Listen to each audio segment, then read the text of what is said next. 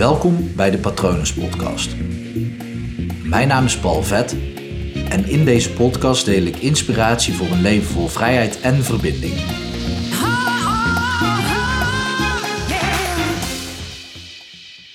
Waarom doe je datgene niet waarvan je weet dat je het eigenlijk zou moeten doen? Dat is een super interessante vraag om jezelf te stellen, want we weten allemaal eigenlijk best wel goed welke dingen we eigenlijk zouden moeten doen.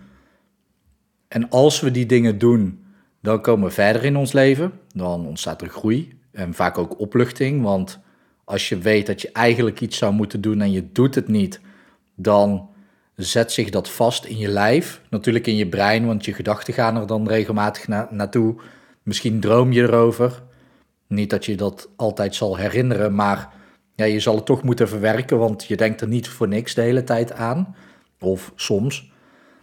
En op het moment als er dingen vast blijven zitten in jouw patroon, in jouw systeem, dan gaat dat letterlijk in je lijf zitten. Kunnen ontstekingen ontstaan of ontstaat er stress of nou ja, genoeg andere fysieke reacties die hier ook kunnen optreden. In ieder geval nog twee, maar goed, eh, dat is een andere aflevering. Ik ga het nog een keer hebben over hormonen en zo. Het zorgt er namelijk ook voor dat je, ik moet het echt parkeren, maar dat je hormoonbalans wordt verstoord op het moment dat je dingen laat liggen en die niet doet.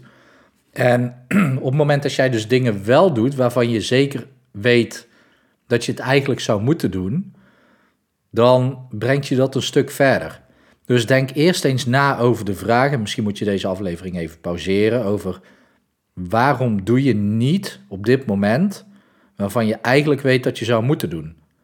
Waarom luister je bijvoorbeeld naar deze podcast in plaats van dat je het ook daadwerkelijk doet? Dat is natuurlijk veel helpender. Hele goede vraag om over na te denken. Er zijn een aantal redenen. Ehm, ik noem er een aantal, misschien zijn er nog wel meer redenen, maar deze kon ik zo 1, 2, 3 bedenken. Uh, of heb ik ergens gelezen. meest logische is, en dat deed je vroeger ook al, je ontweken dingen die je moeilijk vindt. Op het moment dat je niet goed weet hoe je iets moet doen, dan is de kans groot dat je, dat je het niet doet of dat je het vooruit uh, schuift. En je weet van uitstel komt afstel. Maar op het moment dat jij dus weet dat je eigenlijk iets zou moeten doen en je vindt het moeilijk, dan kan dat een hele serieuze reden zijn waarom je het niet doet. Het is heel fijn om dus als, als je net de vraag hebt beantwoord en dit komt eruit, ja, ik vind het moeilijk, ja, dan weet je dat. Oké, ik doe het niet, want ik vind het moeilijk. Hoe kan je dat oplossen? Google. Of hulp, hulp vragen. Beide, nou eigenlijk is Google natuurlijk ook om hulp vragen. Maar op het moment dat je zeker weet van oké, dit moet ik eigenlijk doen en ik vind, het moeilijk. Zoek uit hoe het moet en doe het. Een ander ding wat er ook bij komt kijken, want het kan ook een combinatie van zijn. Misschien vind je het moeilijk en spannend tegelijk. Als jij bijvoorbeeld een, een vrouw bent en je bent ergens en je ziet een knappe man en die heb je al vaker gezien of die heb je wel eens gesproken en je zou eigenlijk wel met die man uit willen, maar je hebt zoiets van ja, eigenlijk hoort de man mij te vragen. Kan, dus dan is het en spannend en moeilijk, want misschien heb je dat niet vaak gedaan, of misschien heb jij het als vrouw zijnde nog nooit gedaan. Ben je nog nooit op iemand afgestapt en andersom geldt het natuurlijk ook zo.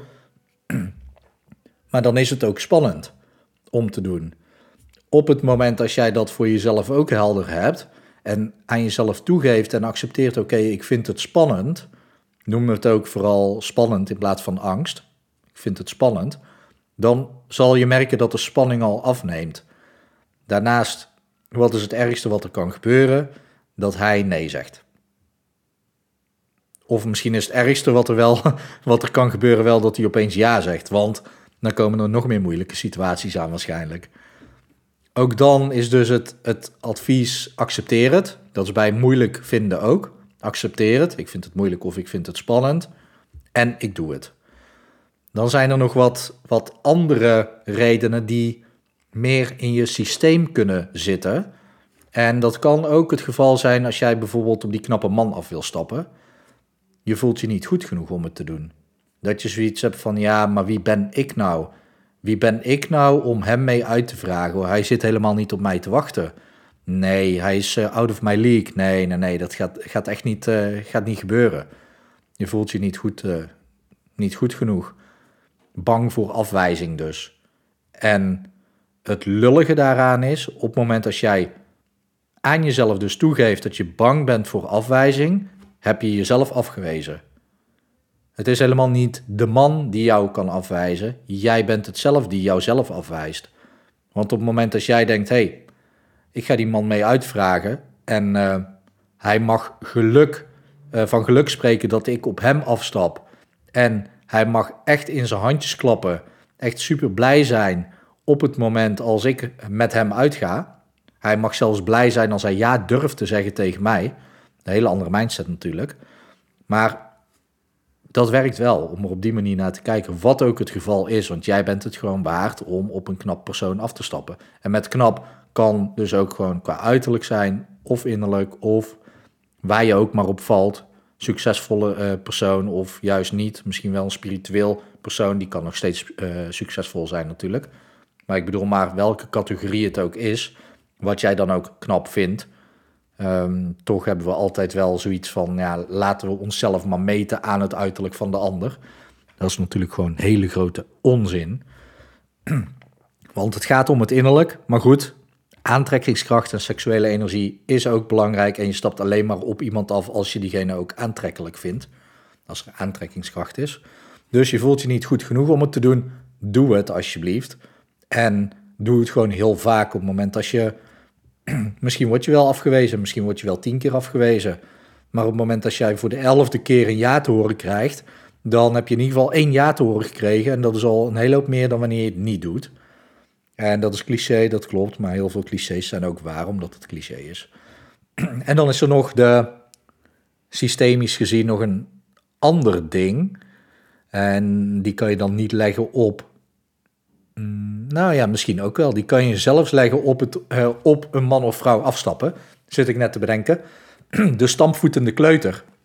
Dus dat je eigenlijk weet dat je iets zou moeten doen, maar dat je het niet doet omdat van binnen er een stampvoetende kleuter is die vindt dat dat precies is wat zijn vader of haar vader of moeder zou vinden.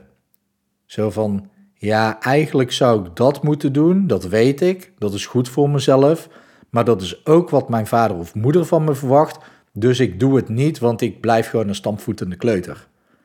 En systemisch gezien is dat grappig.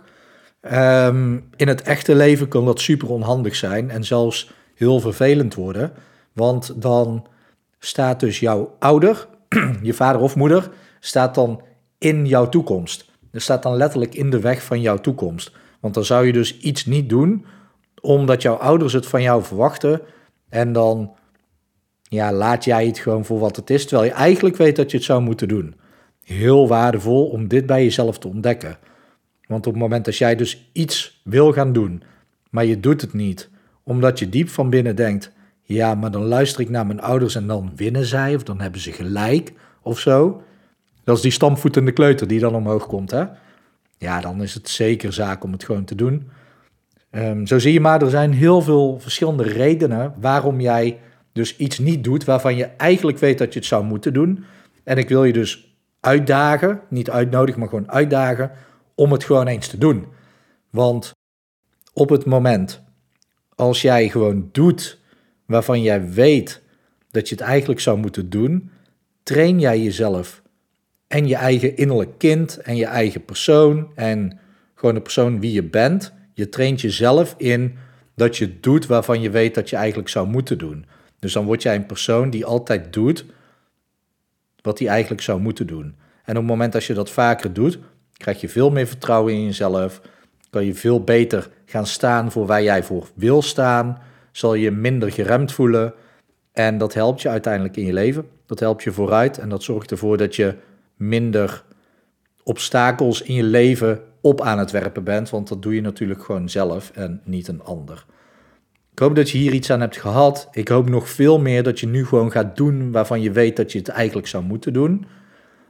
En op het moment dat je dat heel moeilijk vindt of je hebt wat vragen over wat ik net heb gezegd, want dat is een, heeft meer met je systeem te maken. En dat kan soms een warboel zijn, zoals je in de aflevering van gisteren hebt gehoord. Laat het mij weten. Je kan me mail sturen naar patronen.palvet.com. Je kan natuurlijk ook gewoon even op mijn website kijken www.hypnopal.nl om te zien wat ik voor je kan doen. Ik kan je heel goed helpen met angsten, trauma's, stoppen met roken, dat soort dingen. Dat zijn wel de hoofddingen waar ik mensen mee help. Maar met hypnose zijn heel veel dingen mogelijk. Um, dus laat me vooral weten. Ik hoop natuurlijk ook dat het goed met je gaat. Ik hoop nog meer dat je gaat doen wat je eigenlijk zou moeten doen. En ik hoop nog meer dat het ook goed gaat met dierbaren van je. Eigenlijk vind ik dat allemaal even belangrijk natuurlijk.